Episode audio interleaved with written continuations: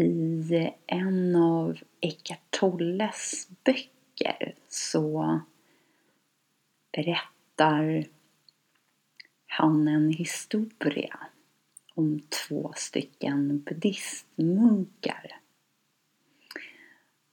Och ni kanske känner till att buddhistmunkar inte på något sätt eh, ska ha någon kontakt egentligen med kvinnor.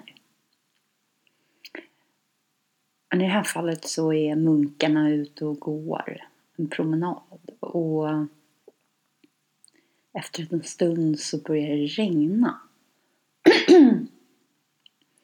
och det regnar mer och mer så att det börjar rinna vatten längs med vägen där de går. Ganska mycket vatten. Och efter ytterligare en liten stund så ser de båda en kvinna som står på ena sidan om vägen. Och hon har en ganska lång kjol och lite fina skor på sig. Så hon tvekar inför att gå ner i vattnet på vägen. Lite lerigt vatten som rinner. Och då går den ena munken fram till kvinnan och lyfter upp henne och bär henne över till andra sidan. Och sen släpper han ner henne där. Och så återvänder han till sin buddhistvän och så går de vidare under tystnad. Och när det har gått över en timme så säger plötsligt den andra munken Jag kan inte fatta att du hjälpte den där kvinnan över vägen. Att du bar henne över vägen till andra sidan. Vi ska ju inte göra sånt. Och då svarar den andra munken Jag satte ner kvinnan för en timme sedan och du bär henne fortfarande.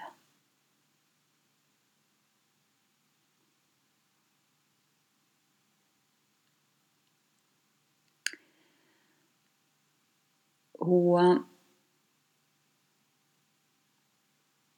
Eckarts poäng med historien handlar om att släppa taget. Och vi kan nog alla känna igen oss i att vi upplever att vi har sagt till oss själva att vi verkligen ska släppa någonting. Och sen dyker det ändå upp i huvudet efter en stund. Och då kanske vi säger till oss själva igen att vi ska släppa det. Och så kan det gå lite längre stund och sen poppar det upp i huvudet igen.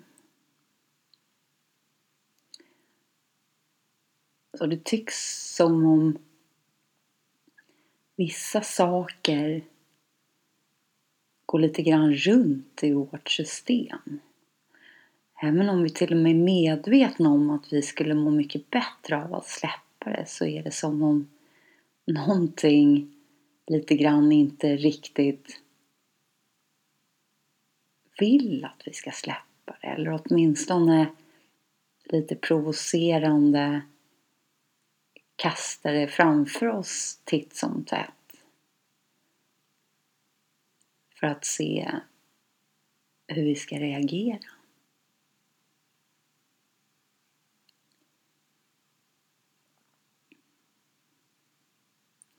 Och att släppa taget det är faktiskt lite grann på samma sätt som när vi för några avsnitt sen pratade om förlåtelse. Det gäller verkligen att släppa taget eh, på riktigt. Att, eh, att bara säga till oss själva eller intala oss själva att nej men det där, jag låter det där vara nu. Jag ser att det där stör min sinnesfrid. Så eh, jag ska inte vidröra det där mer. Utan att vara totala i det funkar sällan.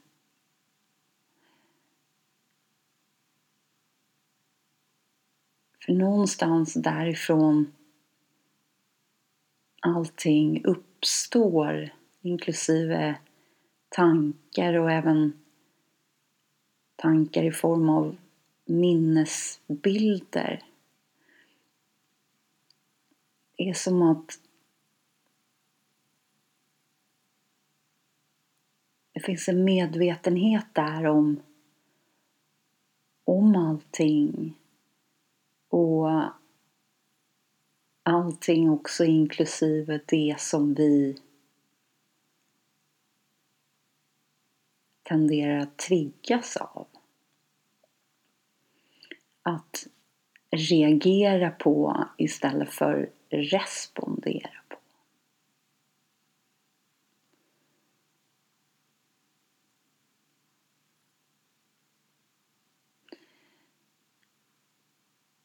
Och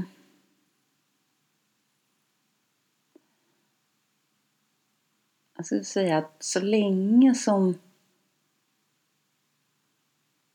någonting fortsätter att komma eller komma upp så finns det lite grann spår av ett intresse hos oss. Och intresset bottnar i att någonting inom oss inte riktigt har kunnat släppa taget därför att det fortfarande finns spår av någonting som vill eller känner sig ha rätt. Och rätt har vi ju eh, insett lite grann behöver ju inte vara rätt enligt någon lagbok eller regelbok utan det kan ju precis lika gärna handla om rätt i bemärkelsen andra borde inte. Eller hon eller han borde inte. Så att någonting ställs mot en form av inre sanning som vi också bär på.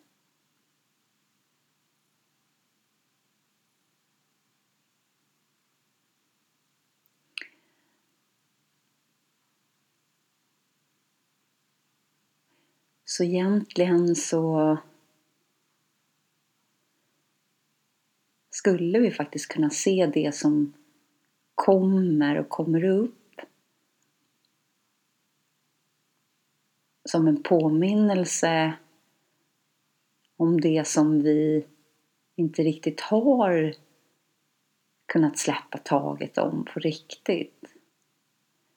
Är där som en hjälp för oss att bli medvetna om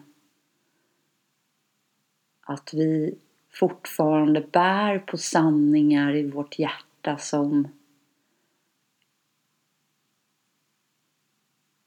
handlar om en personlig identifiering och också där vi har ställt vissa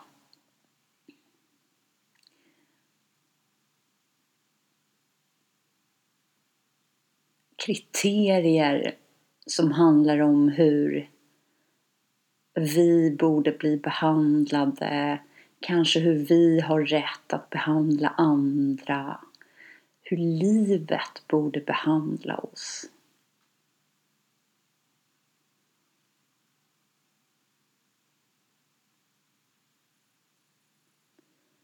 När någonting återkommer, någonting som har hänt. Och där rösten i huvudet och även rösten i huvudet i form av bilder, minnesbilder. Kanske till och med minnesfilmer som spelas upp. Och där känslorna av kan vara oförrätt eller alla möjliga känslor som blossar upp när de här tankarna eller minnesbilderna återkommer.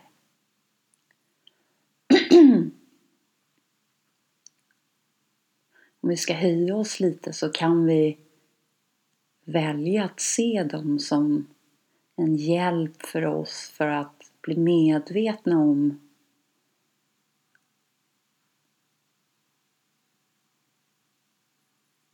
att det fortfarande finns rester kvar där.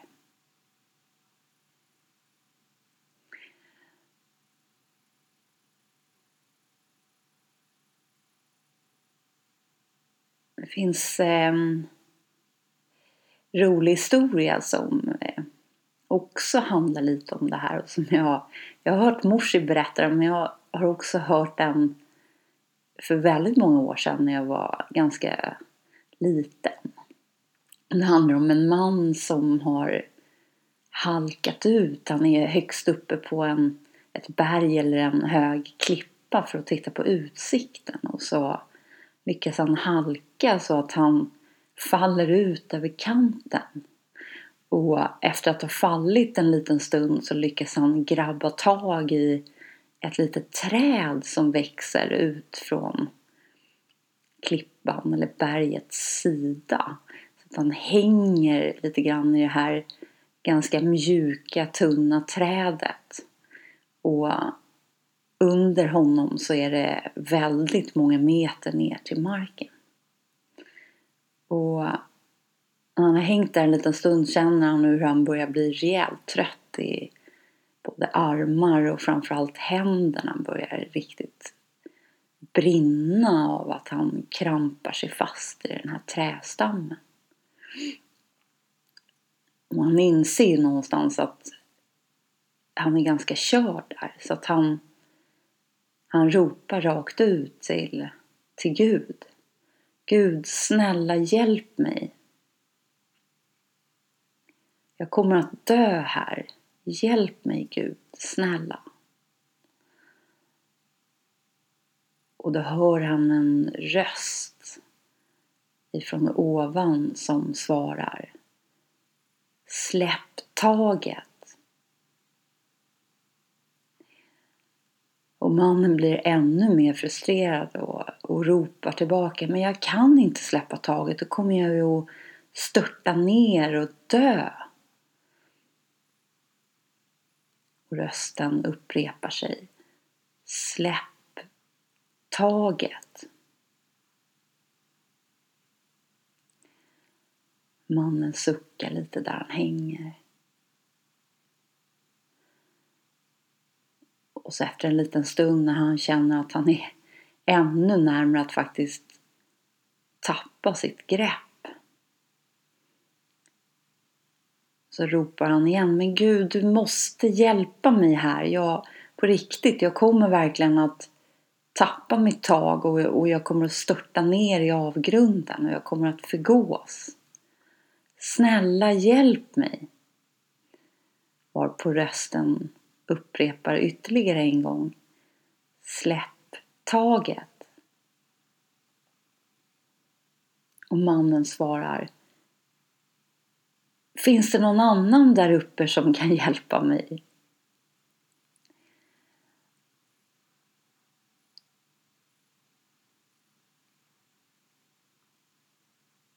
Och den historien illustrerar kanske på ett ännu mer träffsäkert sätt hur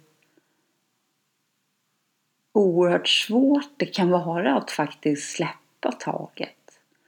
Och hur mycket det kan kännas som om vi skulle släppa taget att vi kanske till och med skulle gå under.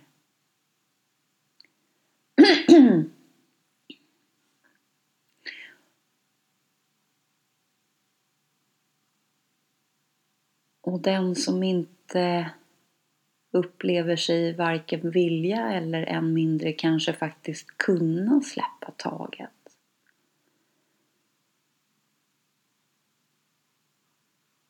Vem är egentligen den?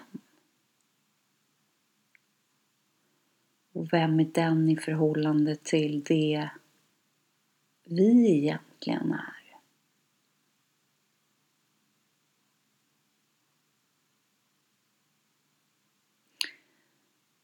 Ja, den som upplever sig inte kunna släppa taget Eller också ibland faktiskt inte heller vilja släppa taget. Det är ju den så kallade skapade identiteten. Det vi kanske skulle vilja kalla eller benämna som ego. Den som upplever sig ha rätt i vissa lägen. Därför att livet borde inte behandla den på ett visst sätt. Eller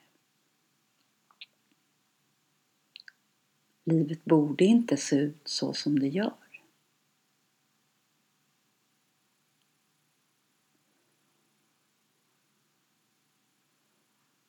Och i situationen med mannen som hänger i trädet och faktiskt riskerar att ramla ner och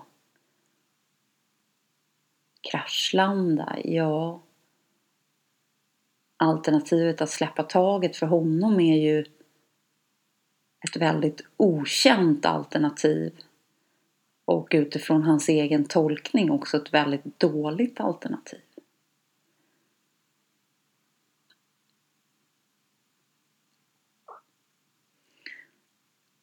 Man kan fråga sig om den bedömningen baseras på sanning eller snarare antaganden om att den psykologiska enheten, alltså egot, faktiskt kanske inte överlever. Eller åtminstone försvagas avsevärt om vi väljer att släppa släppa taget. Det kanske snarare är det motståndet handlar om.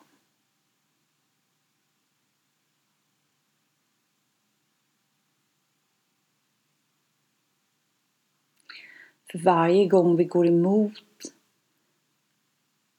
vår karaktär, varje gång vi går emot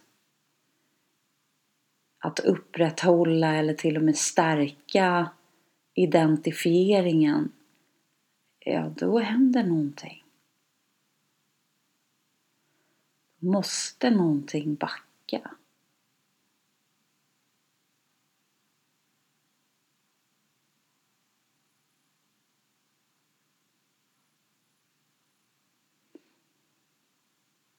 Om ni minns eh, kanske Swami Satchitanandas definition av det högsta, det vill säga peace of mind eller sinnesfrid.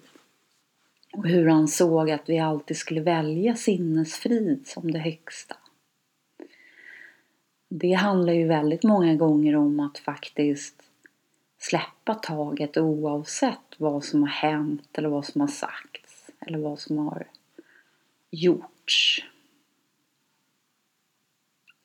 Och det handlar definitivt om att gå emot rösten som vill övertyga oss om att vi kan inte släppa taget i den här situationen. Vi har verkligen rätten på vår sida.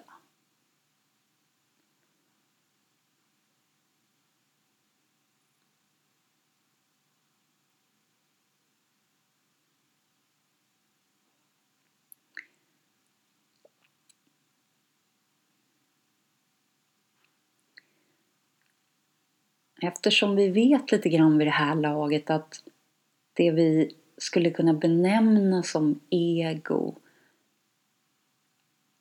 inte är någon enhet utan det handlar om att vi som rent medvetande går in och identifierar oss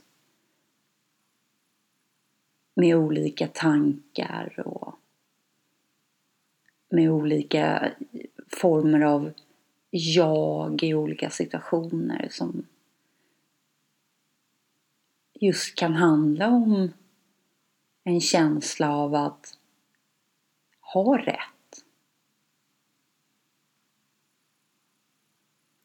Och ha rätt kan ju handla om att ha rätt i att vi har blivit illa behandlade eller felaktigt behandlade så tillvida att vi upplever att vi borde ha blivit behandlade annorlunda. Eller att någonting annat egentligen borde ha hänt.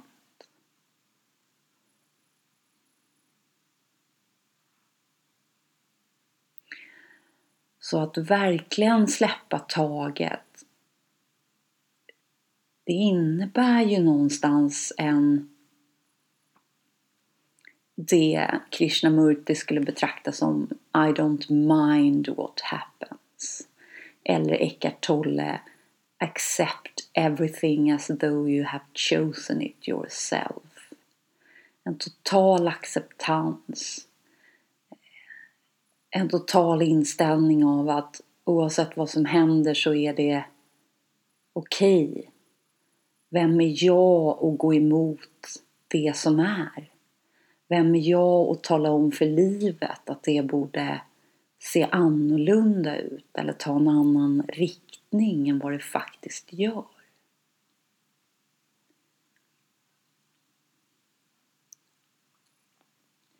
Så det handlar ju inte om att vi behöver älska det som händer till en början eller på något sätt ens stå i tacksamhet inför det som händer utan att helt enkelt inse att det som händer, händer.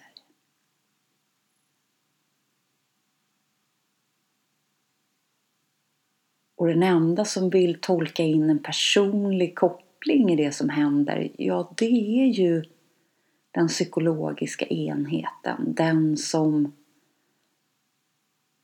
utger sig för att vara så sann.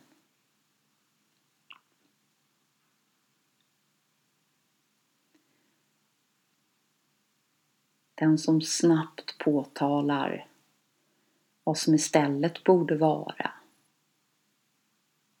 Eller vad det borde vara mer av kanske.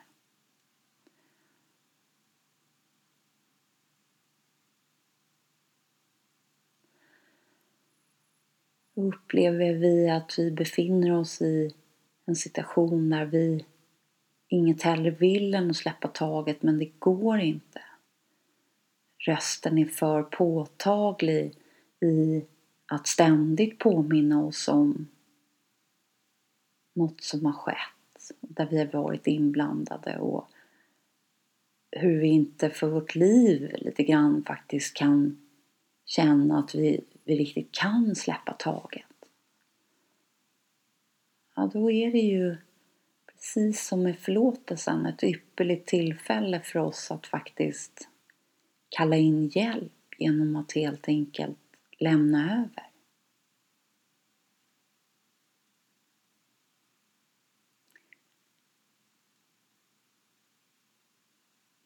Genom att erkänna för oss själva att jag klarar inte att släppa taget. Jag ser det, jag är medveten om att det här kommer tillbaka till mig gång på gång. Och det triggar mig varje gång. Någonting triggas, någonting reagerar inom mig så fort de här tankarna eller de här minnesbilderna eller den här minnesfilmen dyker upp. Så blir någonting triggat.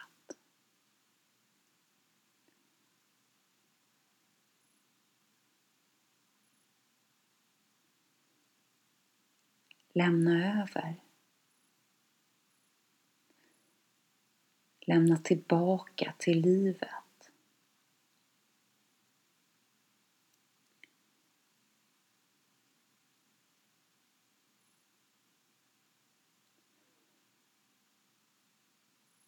Och skulle du, skulle ni, skulle vi prövas genom att det återigen dyker upp så kan vi konstatera att det här tillhör inte längre mig för att det här har jag lämnat ifrån mig. Känn att det är den där kvinnan som vi har släppt ner på andra sidan vägen. Vi bär henne inte längre.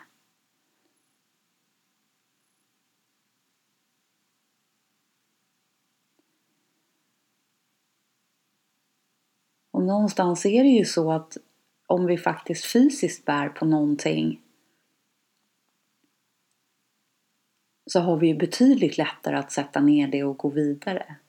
Men om vi bär på någonting inom oss mer psykologiskt, ja då tycks det som om det många gånger är betydligt svårare. Men jag säger, det behöver inte vara det.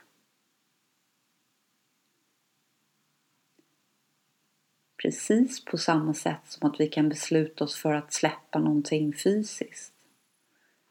Eller ställa ner någonting eller lämna någonting. Så kan vi göra det även med det vi väljer någonstans indirekt att reagera på och gå in i inom oss, tankar, minnesbilder. Vi har samma kraft att låta det vara. Och den absolut bästa positionen är att förbli hemma. Har vi riktat vår uppmärksamhet hemåt tillbaka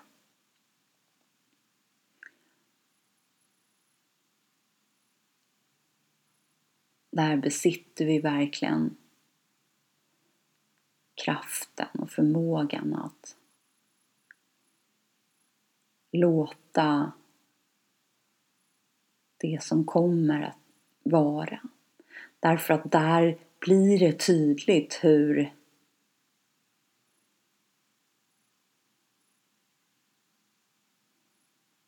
betydelselöst det faktiskt är. Många gånger tycks det som att det inte ens existerar. Och till slut gör det inte ens det. Till en början så känns det åtminstone betydligt mer distanserat. Och betydligt lättare att inte sugas in i.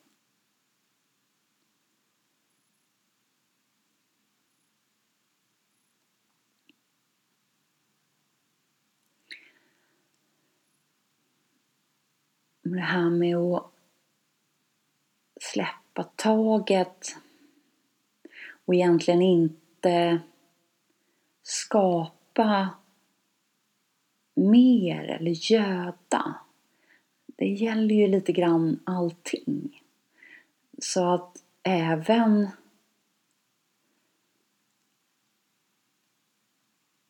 det vi skulle kunna benämna som positivt är, har faktiskt exakt samma effekt. Om vi till exempel hjälper någon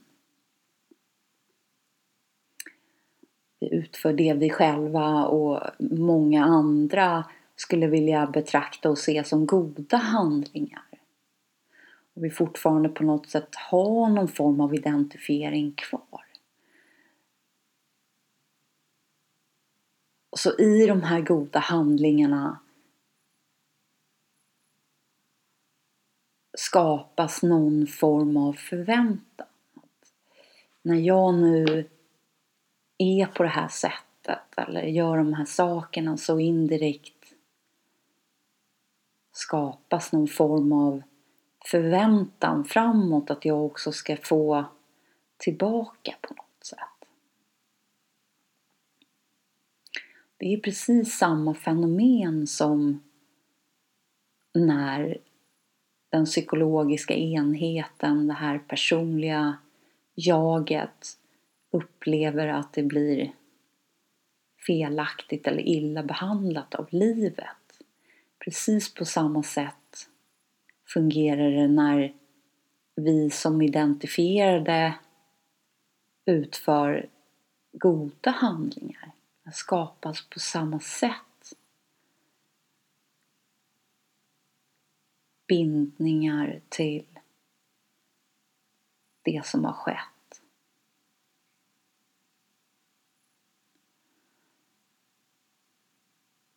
Och det är just därför som bland annat Buddha i sin lära gör det väldigt tydligt att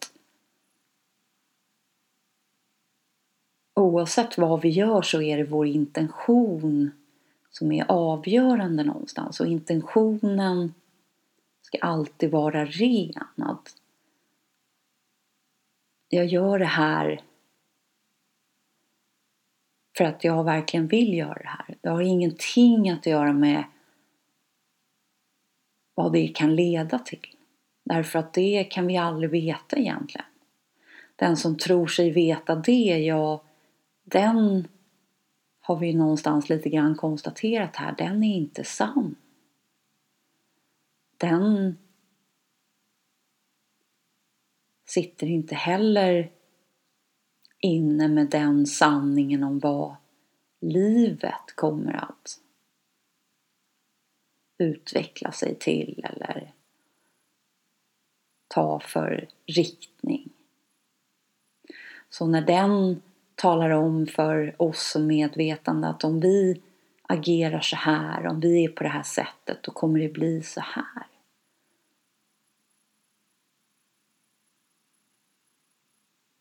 Det här utlovar den också någonting som den inte kan hålla. Precis på samma sätt som den utlovar väldigt mycket när det har med tid att göra.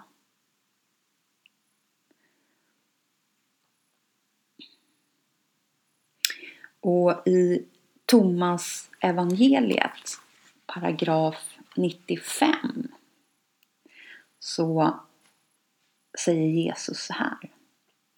Om ni har pengar, låna inte ut dem mot ränta utan ge till den från vilken ni inte får dem tillbaka.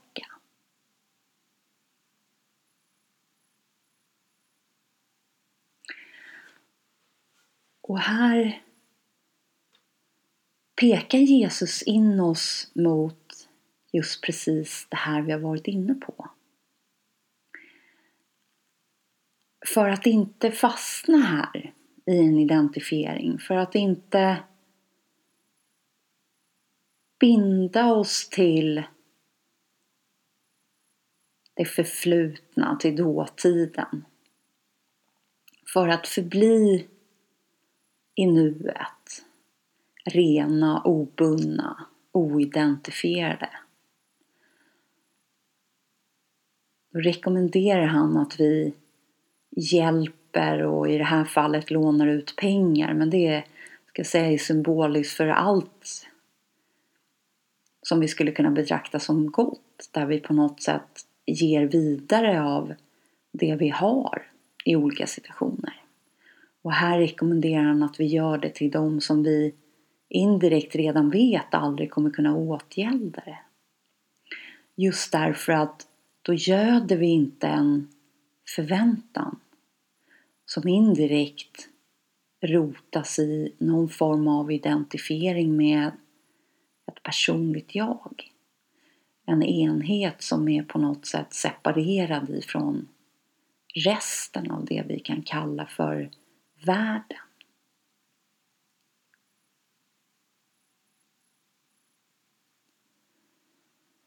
Och precis i, i något av de allra första avsnitten där vi utgick ifrån en, ett annat uttalande i Thomas evangeliet som Jesus också gör. Det här med att vara som förbipasserande. Båda de här två är väldigt lika på det sättet att en förbipasserande, om vi som förbipasserande utför det vi skulle kunna benämna då som någonting gott så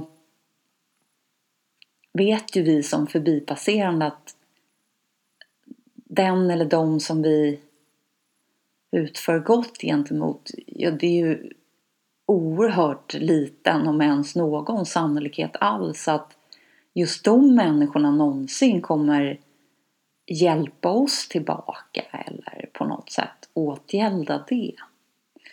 Så där blir det ju mer naturligt att vi går in med en insats utan att egentligen ha någon förväntan åt det hållet alls. Mer än att det känns rätt i stunden att faktiskt hjälpa till eller att dela med oss eller vad det nu kan handla om. Och här uppmanar han sina åhörare till att på samma sätt leva lite så hela tiden.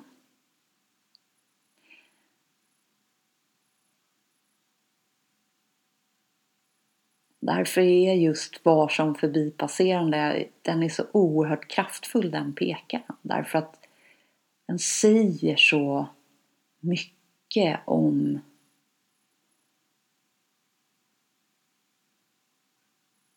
hur vi som oidentifierade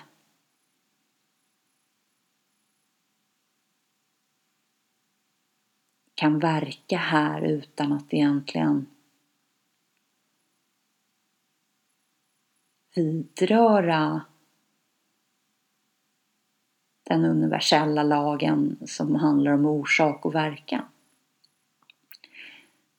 Vi går inte in och rör bollen i fotbollsmatchen utan vi är lite grann nollan.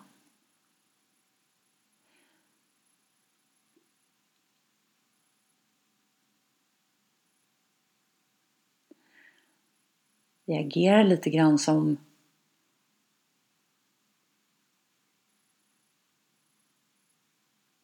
den som beskrevs i Bhagavad Gita som hade realiserat sanningen.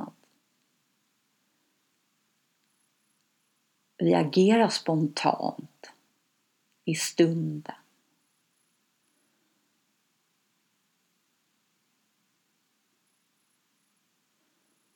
Utan att gå in i att det ska leda till någonting annat och att vi senare går in i påminnelsen om att vi faktiskt gjorde det där och nu har inte det gett några ringar på vattnet eller vi ser ingen effekt av att vi gjorde det där eller vi har riktat gott åt det här hållet så många gånger nu men det kommer fortfarande ingenting tillbaka till oss från det hållet.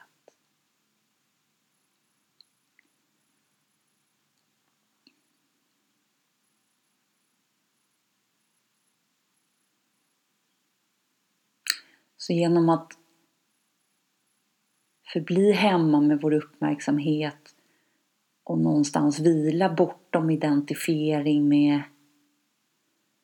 ett personligt jag, en enhet. Så blir vi automatiskt också lite grann frikopplade ifrån förväntningar. Som indirekt leder in oss i situationer där vi blir bundna. Det vill säga vi, vi upplever inte att vi riktigt kan släppa taget eller vi har fastnat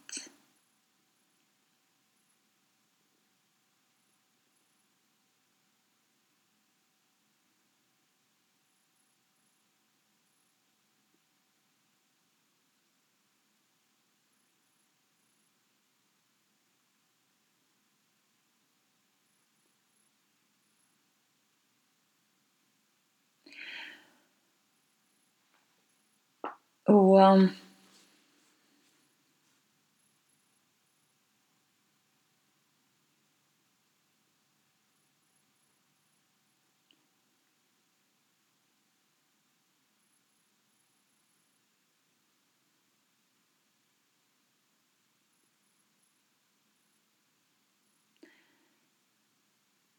Det här är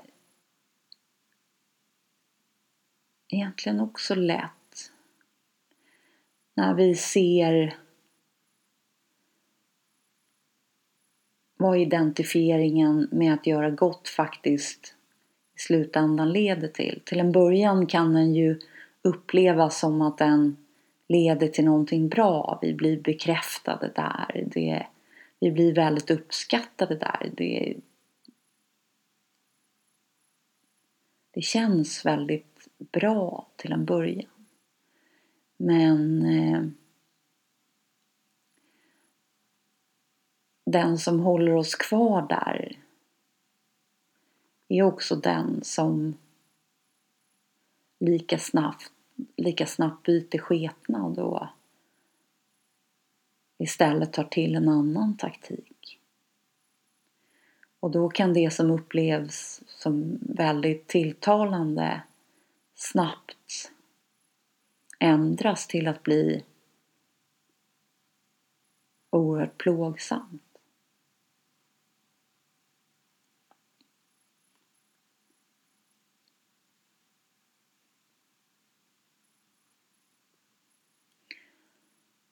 Vi behöver på något sätt bli medvetna om också att avsändaren lite grann är densamma oavsett om det den säger i stunden låter väldigt bra så är det precis samma avsändare som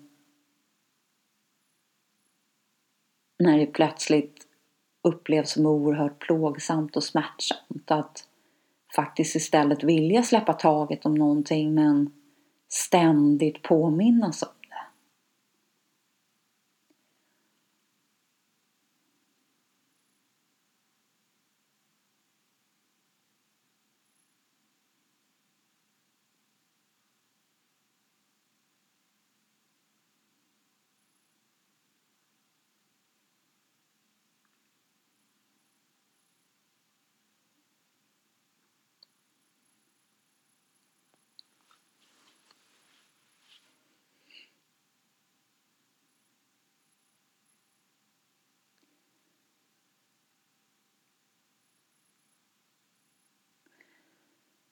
Genom att förbli hemma med uppmärksamheten och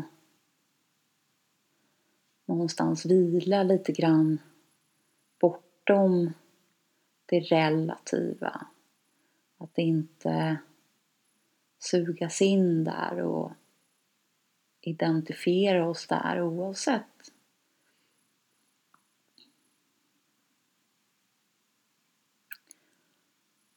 om det kortsiktigt känns som att en identifiering faktiskt skulle leda till någonting bra. Att vi känner att vi är uppskattade och att vi är älskade och att vi är betydelsefulla. Så handlar det lite grann om en mognad eh, som sträcker sig lite bortom det som är just nu. Och som istället visar oss det Buddha kom fram till, det vill säga att all form av identifiering med världen och begär till världen kommer ofrånkomligt att sluta i lidande.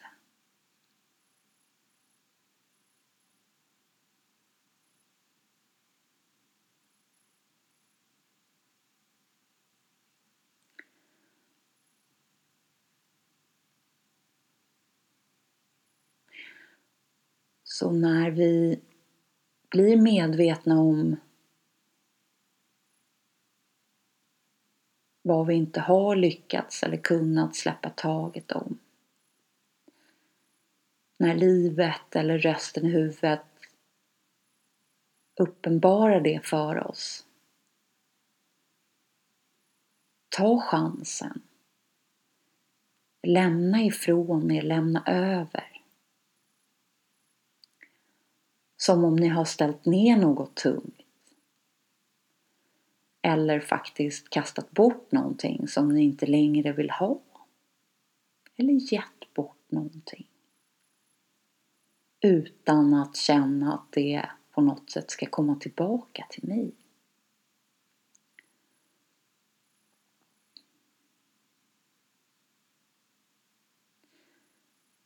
För det ni gör er av med är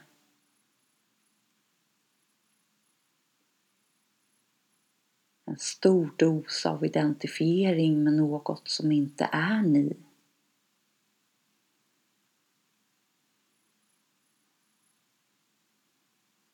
Och även om denna någon har lyckats övertyga er om att ni kanske till och med går under om ni släpper taget, så som mannen som höll i den mjuka, unga trädgrenen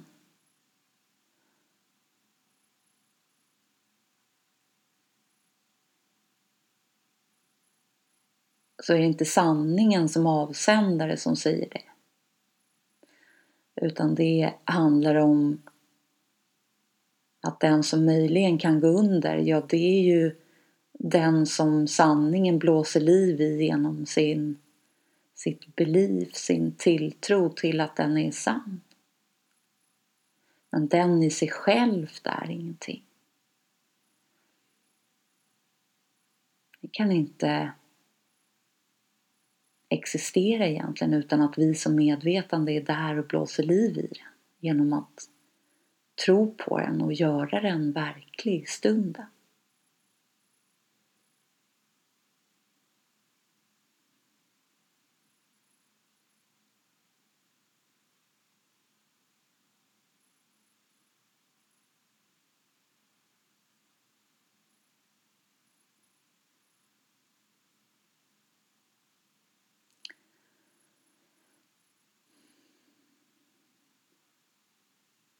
Så återigen kan vi låta Maharaj lite grann bli vår vägvisare.